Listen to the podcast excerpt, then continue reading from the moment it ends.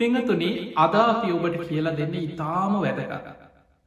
මේ බුද්ධ ශාසනය තුළ බෞද්ධයෙක් හැටියට ඔබේ ජීවිතයට ඉතාම වැදගත් ධර්ම කාරණා කීපය.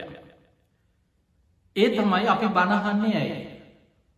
බොහෝ දෙනෙකින් ඇහෝත් ඇයිවාම බණහන්න ඇයිවා පන්සල්ලයන්න ඇයිඔයා සිල් සමාදන් වෙන්න ඇයි ඔයා මේ පින්කං කරන්න සාමාන්‍යෙන් අපි දන්නවා බොහෝ දෙනෙ සමාල්ලාවට දන්න නෑ මොකක්ද මේ ධර්මාවබෝධ කියලා. හැබැයි ඒ අය පුරුද්ධට හරි කියනවා අනේ කොහොම හරි ධර්මය අවබෝධ කරගන්න තියෙනවන. අඩුම ගානෙ සෝවාන් වෙන්නවත් තියෙනවන.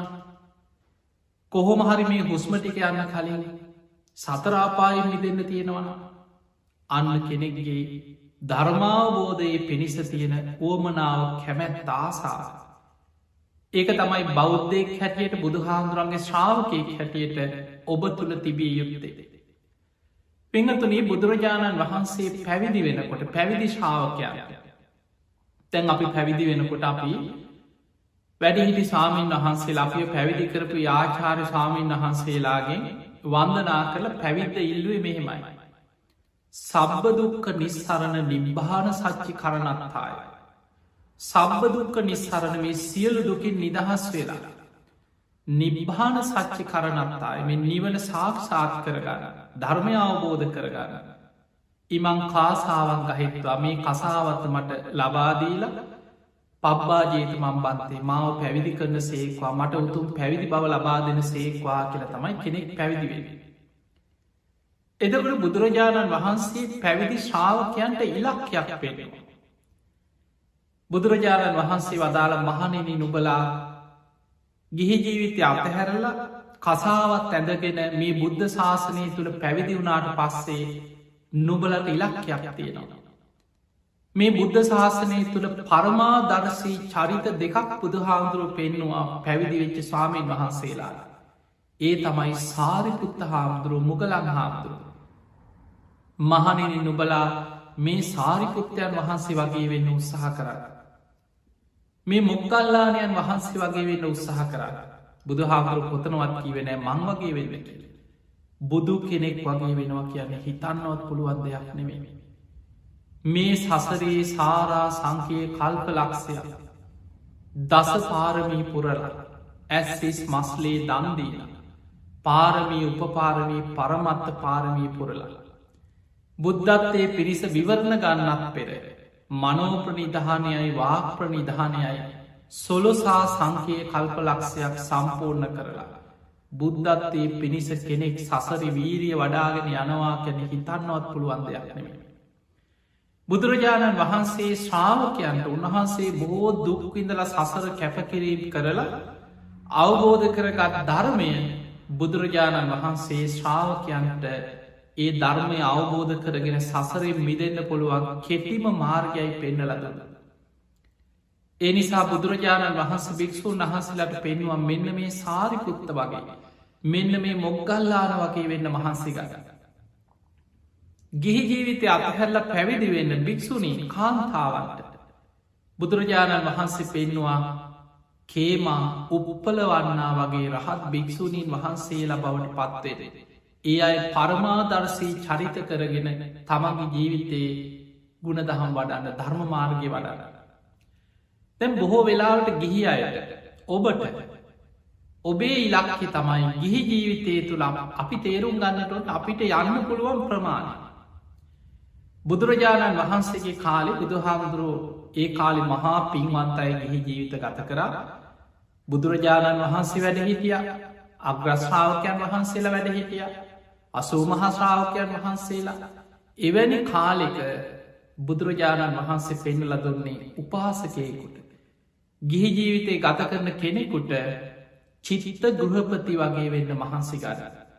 හත්තාලෝක පුත්ත සිටතුමා වගේ වෙන අන්නේ අයි තමයි ගිහි ශ්‍රාවකයන්ගේ පරමාදර්ශී චරිත. චිචිත ගෘහපති හත්තාලෝක පුත්ත සිටතුමා ඒ අය ගිහි ජීවිතයේ දියුණු කරන්න පුළුවන් උපරිම මාර්ග පලය අනාගාමී පලය. ගිහි ජීවිතයේ අනාගාමී තත්ත්වය දක්පාම ඉහලට දියුණු කරගත්තයි චිතිත ගෘහපත. හත්තාලෝක පුත්ත සිතිතුමා.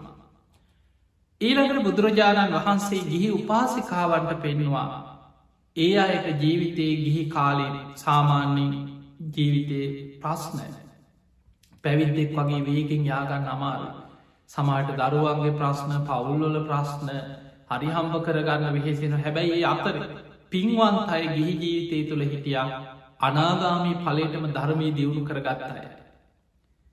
බුදුරජාණන් වහන්සේ ගිහි උපාසිකාවන්ට පෙන්වා කුජ්ජුත්තරා වගේ වේ. වේලු කණ්ටකී නන්ද මාතා වගේ වේ. ඒ අයි ගිහි ජීවිතයේ අනාගාමී පලේටම ධර්මාවබෝධය කරා ජීවිතයේ දියුණු කරගත්තායි. එනිසා පිංහතුනි ඒ බුදුරජාණන් වහන්සේ වැඩ සිටිය කාලේ. එතකොට ඒ ඉලක්කෙ තුළ ඔබ තියෙදි දැන් අපි මේ බණ කියන විශේෂෙන් ගිහි අය. මේ දේශනාව පැවිදියි අහන් පුළුව. හැබැයි අපි විශේෂෙන් මේ දේශනාව ඉලක්ක කරලා ගිහි ජීවිතය ගත කරන ගිහි අය. කොහොම දෝබ ඔබේ ජීවිතයේ ධර්මාවබෝධය පිණිස සැලසුම් කරන්න. පිංහතුනේ දැන් සාමාන්‍යෙන් අනේ කොහොම හරි ධර්මය අවබෝධ කරන්න තියෙන අනේ කොහොමහරි නිවන් දකින්න තියෙනවන කියලා හිතත. හැබැයි අපි තේරුම් ගන්න ඕනේ අපි යන්න තියෙන මාර්ගි මොන වගේ. අපිට එක පාටනාගාමි වෙන්න බැහැ. පටන් ගන්නකොටම රහත් වෙන්නේ. එහෙනම් කොහොමද මේ මාර්ගිට යන්නේ. අන්න බුදුරජාණන් වහන්සේ පහාරාධ කියන සූට්‍ර පෙන්වා මහා සාගරයේ පිළිවලින් ගැඹුර කරායන්නේ යම්සේද. ඒ වගේ තමයි මගේ බුද්ධ ශාසනය. අනුපුබ්බ සික්කා අනුපුබ්බ කිරියා අනුපුබ්බ ප්‍රතිපදා. පිළිවලින් සීලේක පිහිටල. ඊළඟට පිළිවලින් සමාධිය දියුණු කරගෙන ප්‍රඥාව දියුණු කරගෙන. මතකතියාගන්න ඉස්සරලාම අනාගාමි වෙන්නේවත් රහත් වෙන්නේවත් නෑ. ඉස්සරලාම සද්ධානුසාරී වෙන්නේ. ඊළඟට දම්මානුසාරී ඊල ඒ ඇන සෝවාන් මාර්ගයට එන්න ඉස්සරලා සෝවාන් මාර්ගය තමයි සද්ධානුසාරී දම්මානුසාරී හැටියට හඳුන්ලන්න. ඒ සෝවාන් මාර්ගයට අප කෙනා තමයි සෝවාන් පලට පත්වෙන්නේ අන්න යාගේ ඊළඟ පියවර. පියවර පියවර ගැඹුරට යන්න. ඉස්සල්ලා සද්ධානුසාරී වෙනවා ඊට පස්සේ දම්මානුසාරී වෙනවා ඒ සද්ධානුසාරී දහමානුසාරී මට්ටමට පත්වෙච්ච කෙනා තමයි සෝවාන් පලයට පත්වෙන්නේ. ඊළඟට එයා රහත්වෙන්නම ඊළඟට මහන්සි ගන්න. සෝවාන් පලයට පත්වෙච්ච කෙනාගේ ඊළඟ ඉලක්කි තමයි සකදාගාමී මාර්ගය වඩට. ඒ මාර්ගයේ වඩල තමයි සකදාගාමී පලයට පත්වේ. එහෙම සකදාගාමී පලයට පත්වෙච්ච කෙනා එතන ඉඳන අනාගාමී මාර්ගය වඩට. ඒ මාර්ගය වඩල තමයි අනාගාමී පලයට පත්වේ. එහෙම අනාගාමී පලයට පත්වෙච්ච කෙනා තමයි අරහත් මාර්ගය වඩන්න රහත්වේද. ඒම නම් පිළිවලින් ටික ටික ටික ටික ගැඹුරට යන ක්‍රමයක්තේ. ඒ නිසා පටන් ගන්නකොටම රහත්වෙනවනමේ.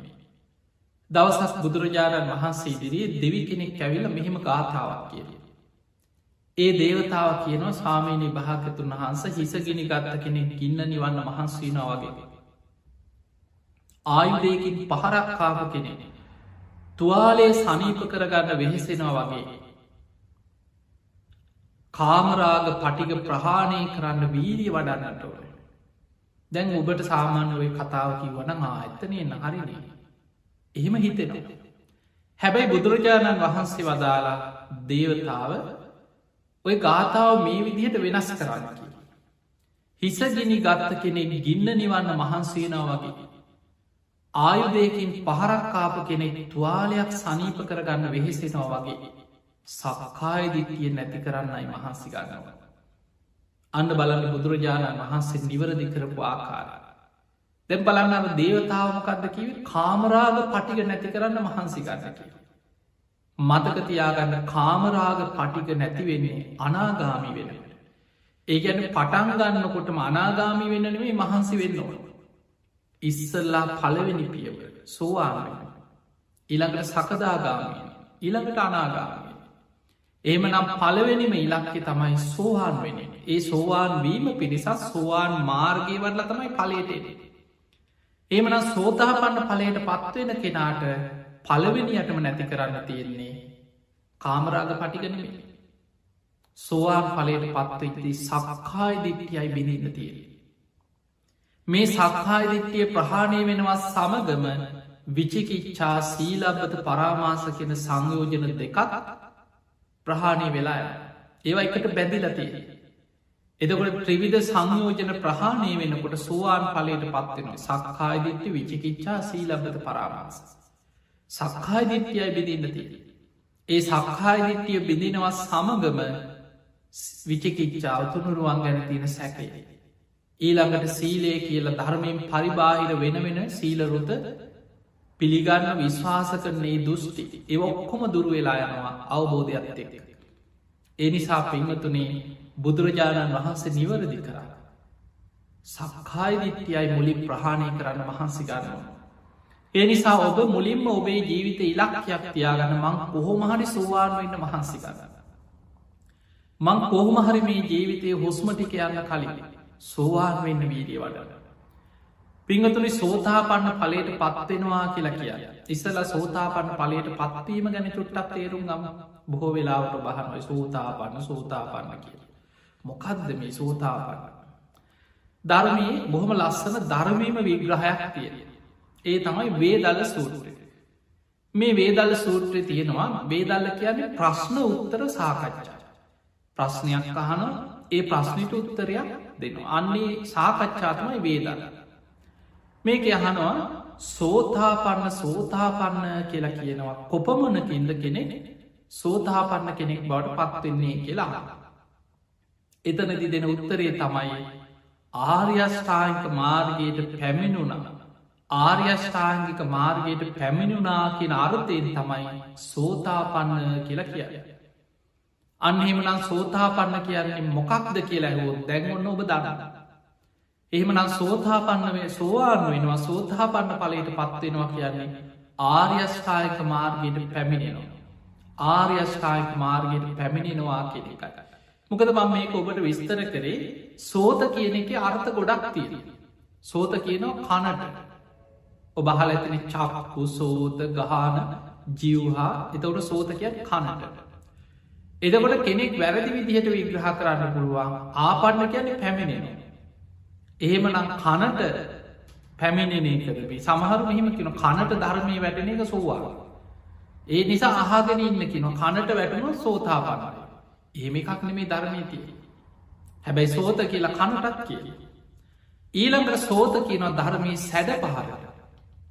වේගෙන් ගසාගෙන යන සැඩ පහරකට. සෝත කිය. එහෙමනම් සෝතාපන්න කියන්නේ සැඩ පහරට පනිනෙකවා සැඩ පහරට වැටනෙක්වත් නෙමේ. සෝත කියන එක තවත් අර්ථයක් තියෙනවා ආර්යෂ්ඨායික මාර්ගයට සෝත කියන. එදකොට පැහැදිලියුම වේදල සූත්‍ර පෙන්න්නනවා සෝතාපන්න සෝතාපන්න කියලා කියන්නේ. ආර්යෂ්ඨායික මාර්ගයට පැමිණෙනවා ආර්යෂ්ඨායික මාර්ගයට පැමිණෙනවා කිය අර්ථයෙන් තමයි සෝතාපන්න කියලා කිය. එතකොට දැන්වන්න ඔබ සෝතාපන්න කියන මොකක්ද කියල දන්න ආර්යෂ්ඨායික මාර්ගයට පැමිණිනි. මතක තියාගන්න ආර්යෂ්ඨානික මාර්ගයට පැමිණෙන්නේ සම්මාධිත්තියේ සත්‍යඥානය ඇති කරගෙන. සක්කායිදිත්තිය ප්‍රහාණයවීමත් සමගම දුක කියන්නේ ආර්ය සත්‍යයක්මයි සත්‍යඥානය ඇතිවෙන. දුක්ක සමුදය ආර්ය සත්‍යයක්මයි සත්‍යඥානය ඇතිවෙන. මේ දුක නැතිවීම ආර්ය සත්‍යයක්මයි සත්‍යඥානය උපදීන. දුක නැති කරන මාර්ගයේ ආරය සත්‍යයක් මයි කියල සත්‍යඥානය උපදින. මේ චතුරාරි සත්‍ය ගැන සත්‍යඥානය ඇතිවෙන කෙනා තමයි සම්මාධිත්‍යයේ සත්‍යඥානය ඇති කරගෙන ආර්යෂ්ඨායික මාර්ගයට මුලින්ම ඇතුල්වෙන කෙනෙ. එහෙමනම් අපි ධර්මාවබෝධය පිණිස මාර්ගයේ වැඩුවට දැන් ඔබ සමහල්ලාවට ඔබ සම්මාධිත්‍යය ගැන මොකක්ද කියලා දන්න. චතුරාරි සත්‍ය ගැන අවබෝධඥාන.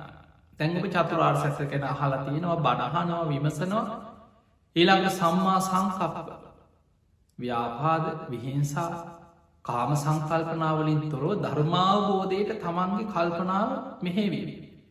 එතකොට බානිත්‍ය වසයනුත් පඩට සම්මා සංකප්පේ තියෙන.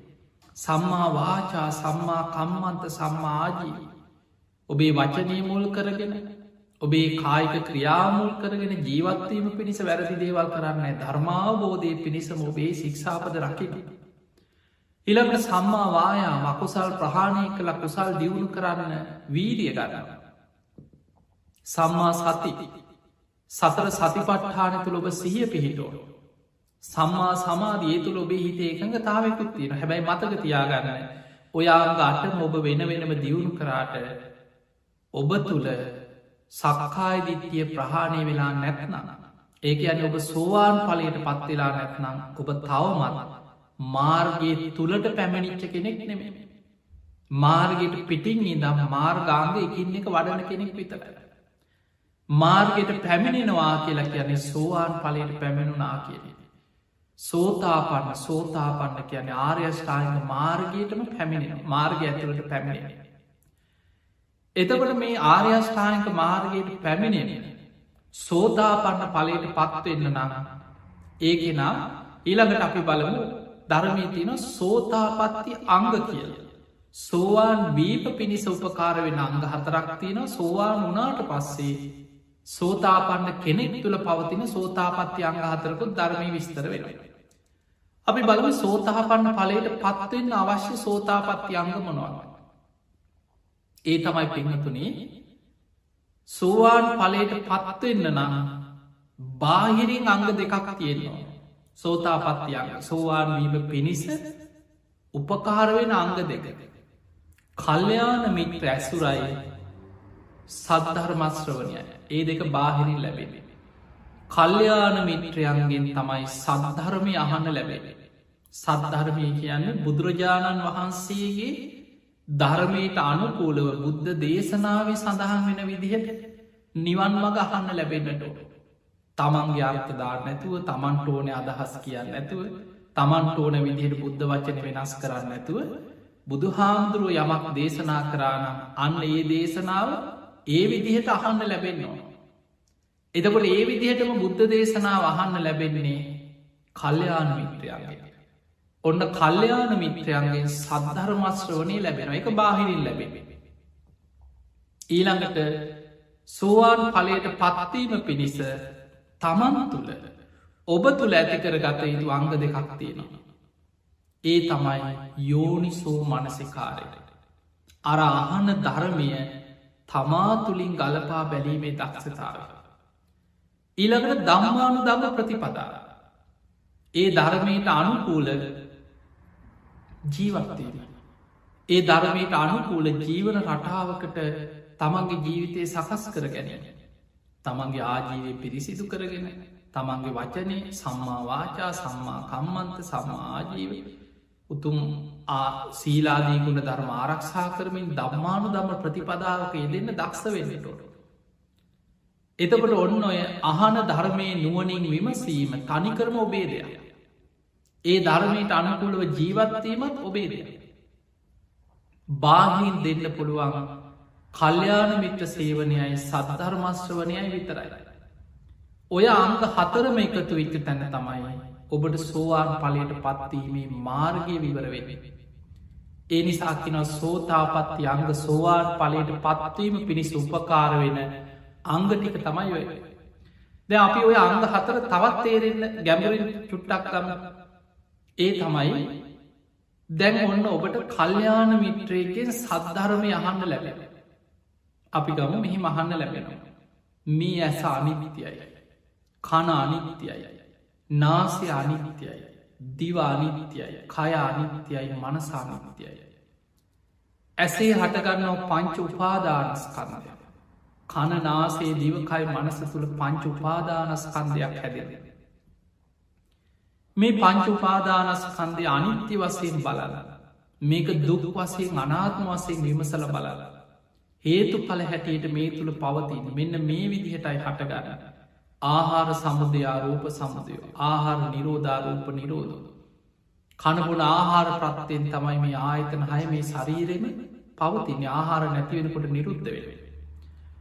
ඉළඟට ආයතන හයේ ස්පර්ස නිසා විදීම් ඇතිවෙනවා ස්පර්ස වෙනස් වෙනකොට වෙනස් වෙන. ඉස්පර්ස නිසා හඳුනා ගැනීම ඇතිවෙනවා ස්පර්ස වෙනස් වෙනකොට වෙනස් වෙන. ඉස්පර්ස නිසාම චේතනා පහළ වෙන සංස්කාර ඉස්පර්ස වෙනස් වෙනකොට වෙනස්සේ. නාමරූප නිසා විඤ්ඥානය හටගන්න. මේ ඇස කියන්නේ නාමරූපය නාමරූප වෙනස්සෙනකට විඤ්ඥාන වෙනස්සේ. ඔන්න ඔය විදිහට මේ ඇස කණනාසේ දිවකයි මනස තුළ රූප වේදනා සංඥා සංකාර විඤ්ඥානිකෙන පංචුපාදානස්කන්දි බෙදාගෙන හඳුනගෙන ඒ පංචුපාදානස්කන්දේ හේතු පලවසේ අනිත්‍ය දුක් අනාත්ම වසයෙන් බලන්න කියල ඔන්න බණක් අහන්න ලැබැ. දැම් මේ බණ ඇහුණි කාගෙන්ද කල්්‍යයාන මිත්‍රේ. සද්ධර්මය ඇහෙන. ඒ බණකාගෙද බුදු හාමුදුරුවන්ගේ අවබෝධඥා බුද්ධ දේශනාව තියෙනදී. අපි ජීවිත කාලෙම බුද්ධ වචනයක් අහන්න ඇතුව වෙන මොනවයිගන ගත්තාත් ඔයිටි අහන්න ලැබෙන්නේ. ඔයදේ අවබෝධ කරගගන්න සාරා සංකයේ කල්පලක්ෂයක් පාරමී පුරලා. බුදු කෙනෙක් බුදු නුවනින් අවබෝධ කරගත්තේ බුද්ධ වචනය අපිට එහෙම අහන්න ලැබෙන. දැන් ඔන්න කල්්‍යයාන මිත්‍රයගෙන්ගේ ධර්මය අහන්න ලැබෙන. බාහිරින් ලැබෙන අංග දෙක දැන් ඔන්න ලැබිලතිය. දැන් ඔබ තුළ ඇති කරගන්න ඕනෑ යෝනිසෝ මනසිකාරය. යෝනිසෝ මනසිකාරය කියන අර අහපු ධර්මයට අනුකූලව තමා තුළින් විමසා බැලීමේ දක්ෂතාව. මතකතියාගන්න මේ ධර්මය ඕපනයිකයි. තමා තුළින් බලන්න තිය. තමා තුළින් විමසීමස බලන්න තිය. තැන් ඔන්න අපි ඇහුවන ඇසානිත්‍යයි කනානිත්‍යයි නාසයානිත්‍යයි දිවානිත්‍යයි කයානිත්‍යයි මනසානිත්‍යයි. දැන් තමා තුළින් බලල හොදට විමසල බලනව ඇත්තටම මගේ හැ අනිත්‍යද. ඊළඟට ධර්මයෙන් ඇහුව දැක මේ ඇහැ තුළ නාමරූප පවතිනවා පට ව්‍යාපෝතේ යෝවායු සතර මහාධාතුන්ගෙන් හටගත් ඇසස. වේදනා සංඥා චේතනා පස්ස මනසිකාර නාම ධර්ම මේ තුළ තියෙන. ආහාර සමුදය අරෝප සමුදයෝ කණපුර ආහාර ප්‍රත්තයෙන් තම මේක පවතින. ඉස්පර්සෙන් තමයි විදීම් ඇතිවෙන. ඉස්පර්සෙ නිසා තමයි හඳුනාගන්න රූපයක්. ඇහැ තුළ චේතනා පහළවෙන්න ඇහේ ඉස්පර්සෙ නිසා. නාමරූප නිසයි විඤ්ඥානි හටගන්න. දැන් ඔන්න මේ අහපු ධර්මය තමාතුලින් විමසල බලලා.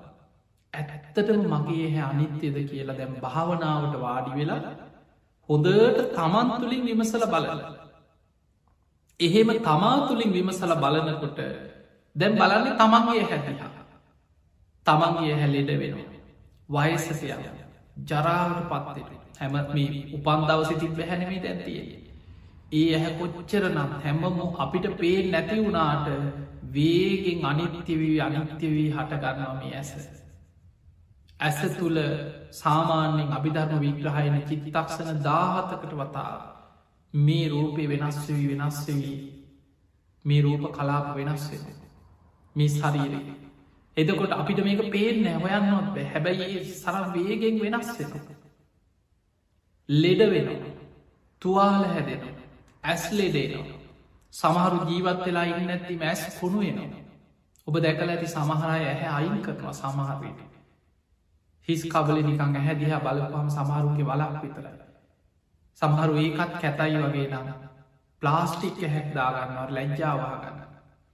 සමහරු එක කන්නාඩිය අද්දාගෙනන්න පේෙන් නැත. එතකොට අපිට පේනවා මේ ඇස එහෙනල් ලෙඩවෙන ඇස ජරාවට පත්වෙනවා තුවාල හැදෙනවා කුණු වෙලා යන. ආහාර නිසා පවතින ආහාර නැති වෙනකොට නිරුද්ධ වෙන. අන්න ධර්මයෙන් අහපු දේ දැන තමා තුළින් බලලා ඇත්තනෙන් නම් මේ අනිත්‍යයි. මගේ හැත් අනිත්‍යයි. මේ මගේ හැත් ලෙඩ වෙනවා. ජරාවට පත්වෙනවත් තුවාල හැදෙනවා කුණු වෙලා යන. අනිත්‍යයයි කියලා අර අහපු දේ තමා තුළින් ගලපල බලල. ඊළඟට බලනවා මේ ඇහැට රූපයක් පේන්නේ කොහොමද. අන්න බුදුහාන්දුරන්ගේ ධර්මී තියෙනවා ඇහැට රූපයක් පේන්නේ ඇහැයි රූපයයි විඤ්ඥාන එකතුවීම. ඒකට අපි ධර්මී කියෙන ඇහි ස්පර්සය. දැන් අපි ඒ ඔස්සේ තමයි මේ බල ධර්මයට අනුකූලෝ බලල අපිට ඕන විදියට නෙමේ අපි දන්නවා හැට රූපයක් පේෙන්වන ඒ ඇහැයි රූපය විඤ්ඥාන එකතුවීම ඇහෙ ස්පර්සි ඒ ස්පර්ස නිසා විදීම් ඇති වෙන ස්පර්ස වෙනස් වෙනකොට විඳීම වෙනස් වෙන ඇහෙන් අපි රූප හඳුන ගන්නවා. පුද්ගලයෝ ගස්කොලම් පාට වර්ණ ඔක්කොම හඳුන ගන්න ඇහ ස්පර්සි ස්පර්ස වෙනස් වෙනකොට වෙනස් වෙේ ඒ දකින දේවල්වලට අනුව ඇහෙන් චේතනා පහළ වෙන ඒවත් ස්පර්ස වෙනස් වෙනකට වෙනස් වේ. ඒ නාම රූපයන්ගේම යුක්ත ඇස තුළයි විඤ්ඥාන පවතින නාමරූප වෙනස්සනකොට වෙනස්වෙත. ඔය ධර්මය අපි අහපුදේ තමාගේ ඇහැතුළ පවතින ආකාරයේ හොඳට තමා තුළින් විමසල බලන්න. දැම්මං ඔය කිව ඇහැ ගැන විතරයි. ඔය විදිහට කන නාසය තිව ශරීරය මනස මේ ආයතන හයේම පංචුපාදානස්කන්දය හටගන්න හැටි ඒවා වෙනස්වෙන හැටි ඒවා විනාස වෙලා යන හැටි තමා තුළින් විමසීමස බලන්න අන්නේ හැකියාවට කියනවා යෝනිසෝ මනසිකාරය. අන්නේ හැකියාව තියෙන කෙනාටයි මේ ධර්මය. බුදුරජාණන් වහන්සේ දේශනා කරා මහනෙන දන්න කෙනාටත් දකින කෙනාටත් තමයි ධර්මය අවබෝධ කරන්න පුළුව කුමක් දන්න කෙනාටත් කුමක් දකින කෙනාටත්ද? යෝනිසෝ මනසිකාරය යෝනිසෝ මනසිකාරය හැටියටත් අයෝනිසෝ මනසිකාරය අයෝනිසෝ මනසිකාරය හැටියටත් දන්න කෙනාටත් දකින කෙනාටත් තමයි මේ ධරම. ඒ නිසා ඔබ ධර්මයට අනුකූලව හිතන විදිහ ධර්මයෙන් ප්‍රතිවිරුද්ධව හිතන විදිහත් හොඳට අඳුනගෙන ධර්මයට අනුකූලවම යෝනිසෝ මනසිකාරය දෙන්න දක්ෂ වුණොරු ඔබට මේ ධර්මය අවබෝධ කරන්න පුළුවන්. ඔබට සුවාන් වෙන්න පුළුවන්. ඔබට මාර්ග පල අවබෝධය කරායන්න පුළුවන්. ඊළඟට ඒ යෝනිසෝ මනසිකාරයක් එකම ධර්මය පිහිටන්නන්නේ ධර්මයට අනුකූල ජීවන රටාවක් තුළ ඉන්න කෙනා. අන්නේ නිසා ඔබට බණ අහන්න අහන්න ඔබේ හැදියාව ඔබේ චරිතය ඔබේ සිල්වත්කම ඔබේ වචනය කයේ සංවරකම ඔබ ඇති කරගා එක අවබෝධයම පිහිටන දෙයක්. අවබෝධයක් එක්ක මැතිවෙන ඒ තමයි දම්මානු දම ප්‍රතිපදා. ධර්මයට අනුකූල ප්‍රතිපදා. ධර්මයට අනුකූල ජීවිතයක් ගත කරන්න ඔබ දක්ෂ වෙන්නට ඕන. ඔබ කය වචනය සංවර කරගන්න ආජීවය පිරිසිදු කරගන්න ඔබ බොහෝම සිල්වත්. මේ ධර්ම මාර්ගයට හානියක් නොවෙන විදිහේ ගුණ ධර්ම ඇති ඔබේ ජීවිතය ඔබ ධර්මයට අවබෝධයට අනුග්‍රහයක් වෙන විදියට ගත කර. අන්න දම්මානු දම්ම ප්‍රතිපදාවකේද. ඔය කරුණු හතරම එකතු වෙච්ච තැන තමයි ධර්මාවබෝධයට මඟ විවරවෙේ. ඒ නිසා යවට ධර්මය කියනවා සෝතාපන්න වෙන උපකාර වෙන අංග සෝතාවපත්ති අංග හැටියට. ඔන්න දැන් ඔබ දන්නවා සෝවාන් වෙන්න නම් මොනවද මාතුල ඇති කරගන්න ඕන කොහොමද සෝවාන් වෙන්න මේ මාර්ගයට යාදාගන්න. ඊළඟට ධර්මී සඳහන් වෙනවා සෝතාපන්න පලට පත්වෙච්ච කෙනෙකුට. සෝවාන් වෙච්ච කෙනෙක් තුළ තියෙන අංග. සෝතාපන්න පලයට පත්වෙනවා සමගම එයාට පිහිටන අංග හතර. බුද්ධේ අවිච්චා ප්‍රසාදී. බුදුරජාණන් වහන්සේ ගැන අච්චල සද්ධාවකින් යුක්තයි. දම්මේ අවිච්චා ප්‍රසාදී. මේ ධර්ම මාර්ගය ගැන අච්චල සද්ධාවකින් යුක්තයි. සංගේ අවිච්චා ප්‍රසාදී බුදුහාමුරන්ගේ ශ්‍රාවක සංඝයා ගැන අච්චල සද්ධාවකින් යුක්තයි. ආර්යකාන්ත සීලයෙන් යුක්තයි. එයා සීලේ සීලේ හැටියට අවබෝධය මාදුනගෙන දිවිහිමියෙන් තමන්ගේ සීලාදී ගුණ ධර්ම ආරක්ෂා කරන අවබෝධයෙන් සිල් රකින කෙනෙක් බවට පත්වෙත. කලින් සිල් රකින්න අවබෝධයක් තුළ නෙමෙමේ.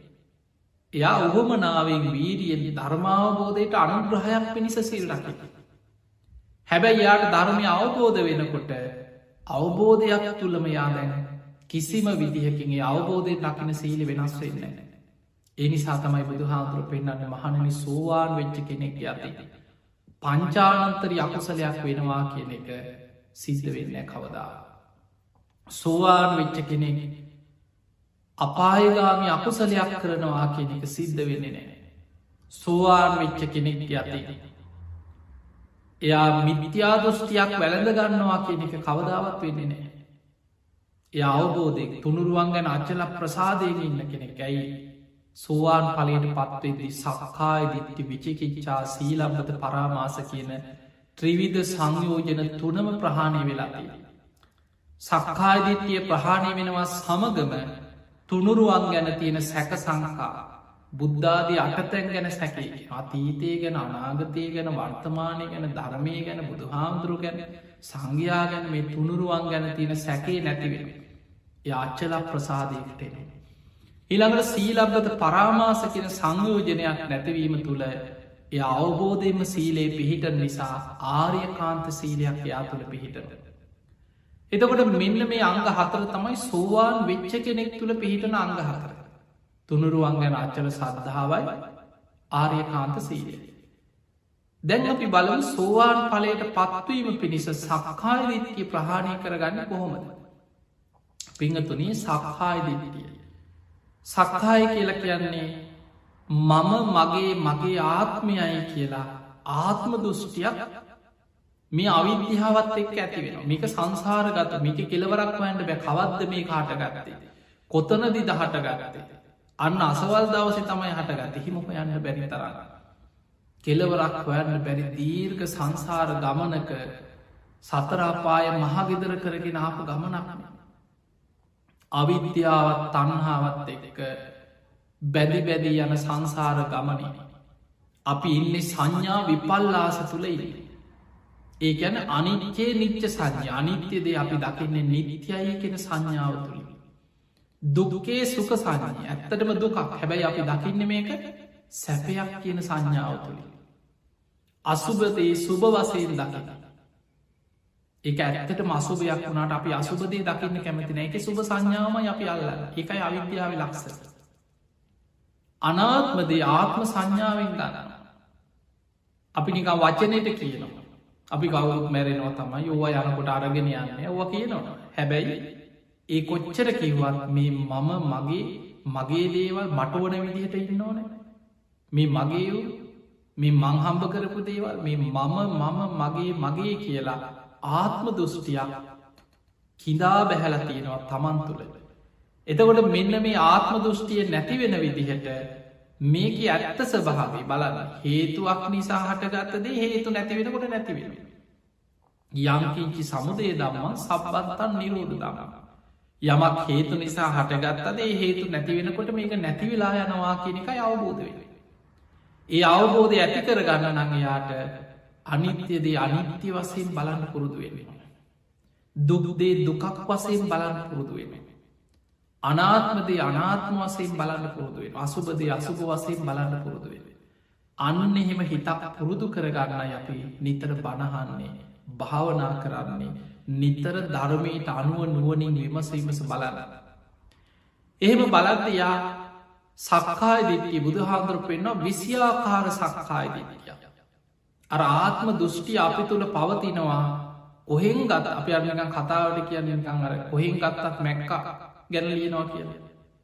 එතකොට අන්න ඒ වගේ කොහෙන් ගත්තත් ඉස්සර රචනාවක් ගැනව සාමානයන් කතාවට කියනවා කොහෙන් ගත්තත් මේ මැක්ක ගැනව ලිය. අර ඒ වගේ අපි කොහෙන් ගත්තත් ආත්ම දෘෂ්ටියෙන් බලන්න බුදුහාමුදුරුව එක පෙන්වා මේ සතර මහා ධාතුන්ගෙන් හටගත්ත රූපය ගැන ආත්ම දෘෂ්ටිය පිහිටලා තියෙන ආකාර හතරකි රූපය මම කියලා හිතන සතර මහා ධාතුකින් හටගත්ත රූපය තමයි මම. ඔන්න එක දෘෂ්ටිය. එහෙම නැත්නම් හිතනවා මම කියල දෙයක් තියෙනවා. ඒක හැදිලා තියෙන සතර මහා ධාතුගේ එක්ක රූපය මම ඒම නැත්තම් මම හැදිල තියෙන්නේ සතර මහධාතුන්ගෙන් කියලා තවත් දුස් තවත් පැත්තකින් බලල.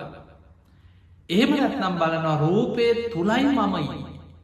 සතර මහා ධාතුගෙන් හටගත්ත දේ තුළ මම කියල දෙයක් තිය. ඉගැන මගේ වසගේ පවත්තන්න පුළුවන් ආත්මයක් තිය. එහෙම නැත්නම් දකිනවා මම කියල දෙයක් ලෝකෙ තියෙන ආත්මයක්. මගේ වසගේ පවත්වන්න පුළුවන් දෙයක් තියෙනවා ඒක හැදිල තියෙන සසර මහධාතුන්ගෙන් කියලා හිත. ඒක තුළයි මම එකැන මෙහෙමයි දැන් හතරාකාරය. රූපය කියන්නේ මම. එක්කු මම හැදිල තියෙන රූපවලින්. රූපේ තුළයි මමයිමන්නේ එහෙම නැත්නම් මම තුළයි රූපේ තියෙන. ඔන්න ඔය විදිහට සතරාකාරයකින් ආත්ම දෘෂ්ටියක් අපි තුළ පවතිති. කොහෙන් ගත්තත් කැරකිලා මම මගේ මගේ කියන දුෘෂ්ටිය බැසගෙන තියෙන සතරමාධාතු ගෙන් හටගත්ත මේ රූපය තුළ. මේ ඇස කණනාසේ දිවකයි මනස මේ ආයතන හයි සතර මහා ධාතුන්ගෙන් හටගත්ත රූපේ දිහා බැසගත්ත ඔය ආත්ම දෘෂ්ටිය නැතිවෙන්න නන. ඇත්ත ඇති සැටිය. හේතු නිසා හට ගන්නදේ හේතු වෙනස්සෙනකොට වෙනස්සෙන මේක මම නොවේ මගේ නොවේ මගේ ආත්මය නොට. මේ අනිත්‍යයි දුකයි අනාත්මයි කියලා ගැඹුරින් විදර්ශනා නුවනින් විමසීමස බලන්නට ඕන. අන්න රූපය ගැන සක්හාය දිට්ටි නැති කර ගන්න තියෙනෙ. ඊළඟට විදීම දැන් අපි දන්නවා විදීම ස්පාර්සයෙන් විදීමක් ඇතිවෙන හැයි රූපය විඤ්ඥාන එකතුවීම ඇහ ස්පාර්ස එතකොට යහැට දකින රූපයාන සැපදුක් උපේක්ෂා විදීම ඇතිවෙන හැබැයි අපි හැම වෙලාම අපිට විඳීමක් කියන කොට මේක ස්පාර්සයෙන් හටගත්තා ස්පාර්ස නැතිවෙනකොට නැතිවුණා කියන දේනෙමේ අපි ගන්න. මම විදිනවා මට සැපයක් දැනෙනවා. මං හරී දුකෙන් ඉන්න. මට දුකක් දැනෙනවා. එතකොට මේ මම මම මම විදිනවා මම දකිනවා මට දැනෙනවා මමයි මමයි කියල ආත්ම දෘෂ්ටියකින් තමයි මේ විඳීම ගන්න. ඒක හතර ආකාරයකින්. සක්කාය දිට්ටි බුදු හාදුර පෙන්නවා එක්කෝ විදීම මම කියල පිළිගන්න එක්කො මම ඉන්නවා. ඒ මම හැදිලතින විදීම් වලින් කියල පිළිගන්න එහෙම නැත්නම් විදීම තුළයි මම ඉන්න කියලා දකිනවා එහෙම නැත්නම් මම තුළයි විදීම තියෙන කියල දකිට. ඔන්න ඔය විදියට සතරාකාරයක දුෘෂ්ටියකින් විදීම මම මගේ මගේ කියලා ආත්ම දෘෂ්ටියක් බැසගෙන තියෙන. ඒ දෘෂ්ටිය නැතිවෙන්නත් අපිට රූපය දිහා බැලුව වගේම හේතු පල හැටියට මේ හේතුව නිසාහටගත්ත මේක තුරින් නැතිවුණ මේ මම මගේ කියල මටෝට විදිර පවත්වන්න පුළුවන්තියක් නෑ ඉස්පරසයෙන් හටගන්න විදීම ස්පර්ස වෙනස් වෙනකොට වෙනස් වෙනවා. අනිමිතියයි දුකයි අනාත්මයි. මම නොවේ මගේ නොයි මගේ ආත්මී නොවේ කියලා ගැමුරු විදර්ශනා නුවනකින් දකින්න ඕනේ. ඊළඟට සංඥා. සංඥාව කියන හඳුනා ගැනින් ඇහෙන් රූප හඳුනගන්න කනේ සබ්ද හඳුනගන්න නාසයෙන් ගඳ සුවද දිවෙන් රස කයෙන් පහස හඳුනගන්න සංඥා. හැබැයි අවිද්‍යා සහගත කෙනා පුතජ්ජන කෙනා මේ සංඥාව තුළ දකින්නේ මම මම මගේ මගේ මමයි දැක්කි මමයි අඳුන ගත්තේ මංමයි දැක්කේ. මම මම කියලා කොහෙන් ගත්තත් ඒ මම දකිනවා කියන දෘෂ්ටියකයි හැබැයි ඇත්තටම ඉස්පරසේ නිසයි මේක වුණේ. ඉස්පර්ස වෙනස් වෙනකට වෙනස් වනා මේ හේතු පලත් එක්ක වෙනස් වෙනවා කියන දේනෙම මේක මම මගේ මට ඕන විදියට පවත්වන්න පුළුවන් කියන දෘෂ්ටියක් තිය ඒක සතරාකාරය විදීම මේ සංඥාව හඳුනා ගැනීම මම කියල පිළිගන්න.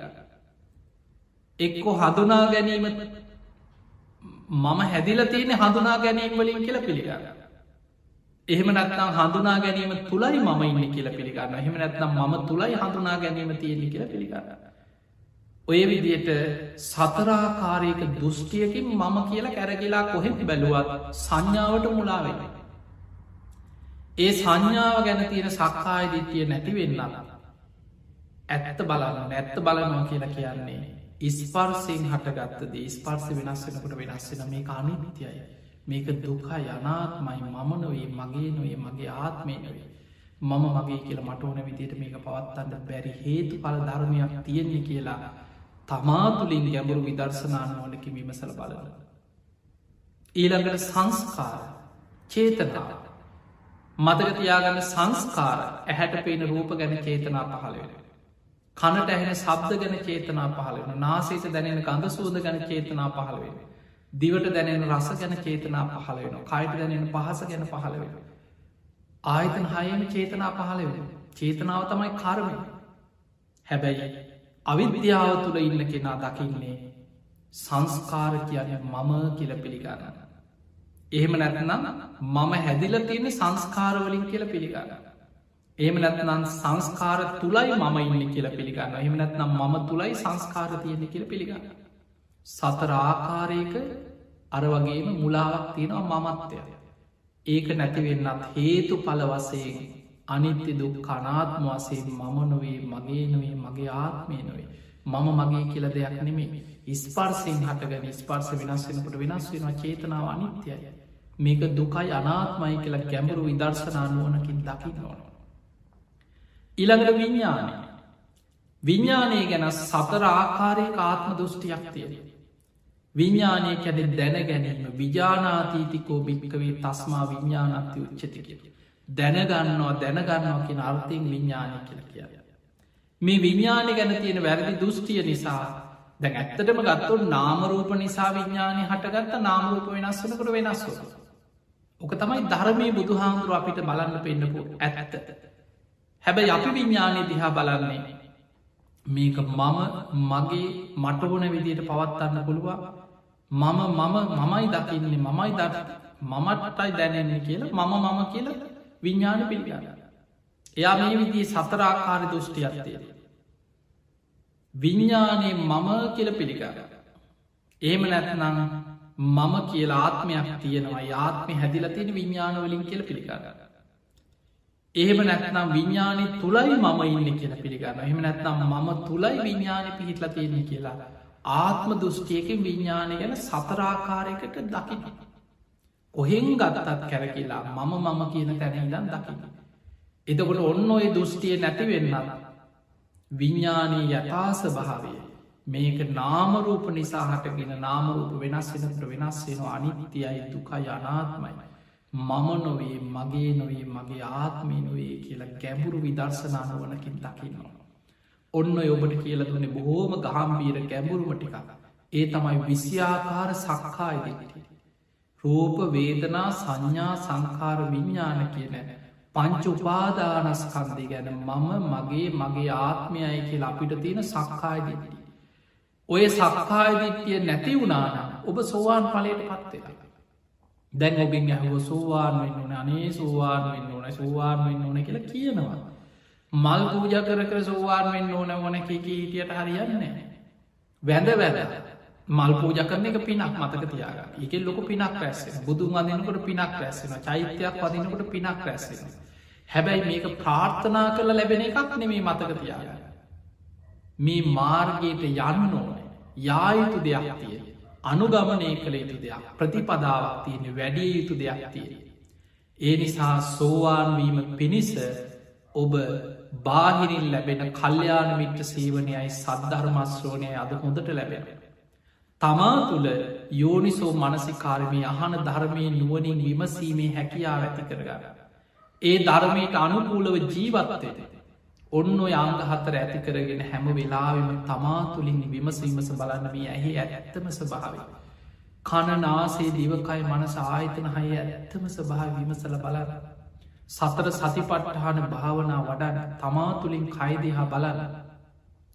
පංච උපාදානස්කන්දය අනිත්‍ය දුක් අනාත්මාසේ විමසීමසේ අනිත්‍ය ස්භාව බලන්න. එතකොට ඔබේ හිත පියවරේ පියවර ධර්මාවබෝධය පැත්තට ඔබ යනවා. සද්ධානුසාරී දම්මානුසාරී මාර්ගයට ඔබ පැමිණෙන. ඒ තුළ සෝවාන් පලට පත්වෙලා මේ සක්කායදිත්‍යය ප්‍රහාණය කරගැනින් පිණිස ඔබට උපකාරය. තිය නිසා වටිනා මනුස්ස ජීවිතයක් අපිට ලැබිලතේ. බුද්ධ ශාසනයක් ලැබෙන. ඒ බුද්ධ ශාසනය තුළ අපි මහා අරටුවක් වගේ තියෙන බුද්ධ ශාසනයක් විශාල ගහක් ලැබිලතියෙන. බුදුහාමුරු පෙන්වා මහා සාරෝපම කියලා බුද්ධ ශාසනය විශාල අරටුවක් තියෙන ගහකට උපමා කරන්න. සමහරු ඇවිල්ල කොලාතු ටික කඩාගෙන යන අපි වැඩේ කරගත්තක. සමහරු ගෙඩි ටිකක් අහුලගෙන පොතු ටිකක් හැගෙන යන. ඒ වගේ ශාසනය තුළ තියෙන ආමිස පූජා නොය පින්කම් පූජාව තියන ඒ වැනු පින් රැස්වෙන ඒවා ශාසනයම තමයි.